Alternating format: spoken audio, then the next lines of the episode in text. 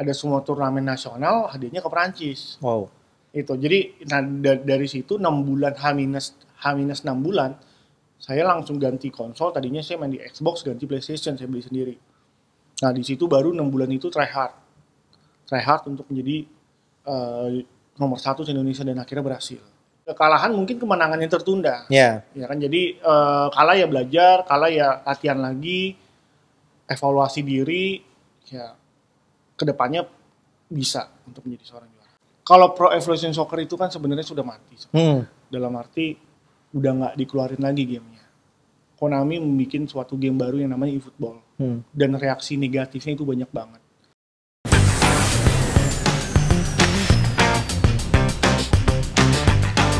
Hai Sobat Antara, selamat datang di program podcast berisik berita asik Antara.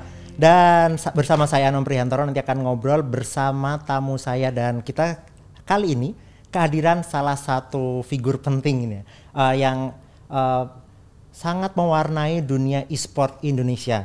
Selamat datang untuk Coach Ahmad Fatkarim. iya Di halo, selamat siang Selamat siang, selamat sore, dan selamat malam di mana Iya. aja uh, pemirsa antara di mana pun ad- berada. Iya. Oke, uh, pemirsa antara, ini adalah Coach Fat Karim.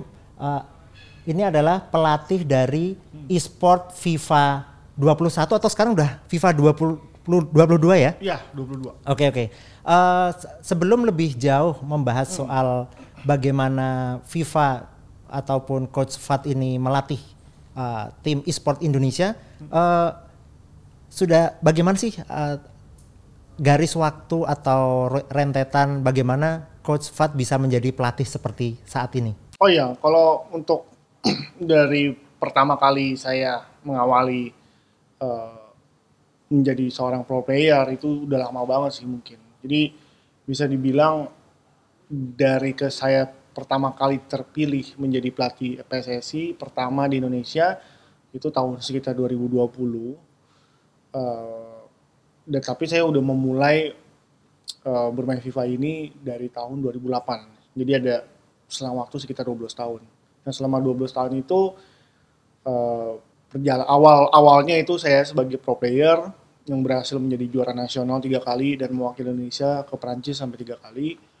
Lalu setelah itu beranjak mengembangkan komunitas, membuat turnamen event besar dan lain sebagainya. Dan sebelum eh, PSSI membuat sebuah tim in, national squad untuk eh, bertanding di e-nation cup. Itu saya sudah membawa player-player eh, FIFA yang tadinya bukan apa-apa ya tapi berhasil menjauh eh, terbang ke Rumania dan juga Prancis Oke. saat 2019 Uh, Coach Fat, ini bagaimana Coach Fat sendiri dulu memulai dari newbie atau pemula menjadi seorang pro dan kemudian uh, bisa uh, menjadi seorang yang famous atau terkenal di YouTube dan di media sosial pada umumnya. Sebenarnya sih jujur sih nggak ada niatan untuk apa ya bisa dibilang terkenal atau apa gitu. Pokoknya jalanin aja karena karena memang pertama dari hobi dan juga memang seneng dengan game bola ya.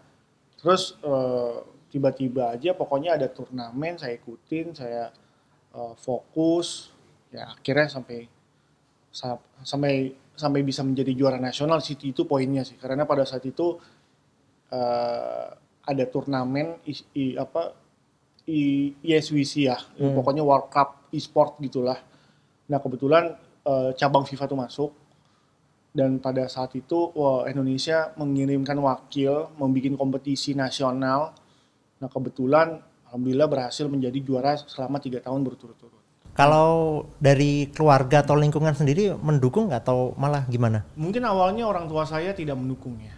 Karena mungkin eh, awalnya ngapain sih main mulu gitu kan. Apalagi e-sport tuh dulu zaman saya ya 2010 itu benar-benar apa sih kayak benar-benar baru banget ya.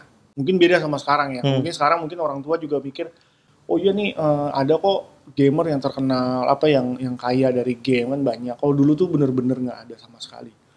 Dulu memang cuma buat main game, ngabisin waktu, kadang mungkin taruhan dan sebagainya Iya, gitu iya. ya. Du- du- du- Dulu kan masih masih yang nggak ada mobile game. Dulu kan cuma PC dan konsol kan. Sedangkan yang game saya mainkan itu belum ada ekosistemnya. Bener-bener nggak ada. Cuman pada saat itu game itu baru uh, game FIFA ini tiba-tiba masuk ke cabang uh, SWC itu. Nah di situlah Indonesia bikin kualifikasinya dan saya berhasil menjadi juara. Gitu. Oke. Dengan tapi kalau sekarang keluarga sudah mendukung, lingkungan sudah mendukung ya. Pada saat saya berhasil menjadi juara nasional pertama kalinya di tahun 2010 orang tua saya langsung kayak support apa pokoknya dari situ ya tiba-tiba dia uh, tiba-tiba dia uh, kayak ngesupport lah karena mungkin awalnya hasilnya mungkin nggak ada ya uh, memang turnamennya nggak ada saya cuma cuma sekedar hobi main udah meluangkan waktu pengen jago saya emang nggak ada turnamennya gitu loh. Mungkin orang ngelihat kalau misalkan oh ini ada turnamen terus oh iya gue fight untuk untuk untuk jadi juara gitu kan. Mungkin orang seperti itu kan kebanyakan. Kalau saya tuh benar-benar cuma main pengen jago tapi nggak ada tujuan. Nggak ada tujuan untuk menjadi juara satu tapi karena saya uh, memang gamer banget ya hardcore ya pengen ja pengen jago di semua game gitu kan. Saya saya juga main game lain ya FPS. Uh, eh, dulu saya juga pemain Counter Strike juga kan. Uh, yang sempat sempat apa ya sempat jago lah istilahnya gitu kan cuman saya tuh pengen jago di semua game hmm. game bola game ini gue saya, saya pengen uh, multi multi talent lah intinya yeah. cuman uh, di FIFA ini mungkin karena senang dan dan bisa online juga kayaknya seru nih tapi di FIFA ini tiba-tiba ada sebuah turnamen ada semua turnamen nasional hadirnya ke Perancis wow itu jadi nah dari situ enam bulan H minus H-6 bulan, saya langsung ganti konsol. Tadinya saya main di Xbox, ganti PlayStation, saya beli sendiri. Nah, di situ baru 6 bulan itu try hard. Try hard untuk menjadi uh, nomor satu di Indonesia dan akhirnya berhasil. Dan ini bisa menghasilkan uang monetisasi begitu ya? Kalau kalau sekarang sih udah macam-macam Sudah macam-macam. Udah macam-macam. Kalau dulu mungkin turnamen offline juara dapat duit. Hmm. Bikin turnamen untung dapat duit. Kalau sekarang nih udah macam-macam banyak celahnya. Jadi misalkan uh, saya nih misalkan nih jago nih mau jadi profe profesional player bisa, mau jadi joki player bisa, mau jadi uh, apa? Mau jadi streamer juga bisa. Selebgram semacam selebgram gitu ya, ya kalau streamer. Selebgram atau misalkan mau jadi ya mungkin ya mungkin bisa jadi TikToker juga bisa ya, ya, gitu ya, loh. Ya. Kan banyak banget media hmm. sosial yang bisa dimanfaatin. Gitu loh. Jadi jalan ini banyak banget sebenarnya untuk sekarang ya. Hmm. Kalau dulu mungkin ya terbatas, jauh banget sama sama sama di zaman saya lah, jauh sekali. Nah, di tengah uh, peluang ada kesempatan untuk menguangkan atau monetisasi hmm. dari game dan sebagainya, hmm. Hmm. Kita diterpa pandemi COVID-19. Hmm. Ada perbedaan nggak sih di keadaan normal dan ketika pandemi? Ya jelas, saya ini kan dulu pernah bikin turnamen ya dari tingkat nasional sampai yang luar yang sampai hadirnya ratusan juta gitu-gitu kan. Memang saya dari dulu tuh hobi bikin turnamen. Hobi itu dalam arti pengen mengembangkan komunitas, pengen bikin uh, walaupun saya belum bisa menjadi juara dunia tapi saya pengen di Indonesia ini ada seorang seseorang yang bisa berhasil membawa nama besar Indonesia gitu lah di di kancah e-sport Indonesia terutama bola ya. Hmm.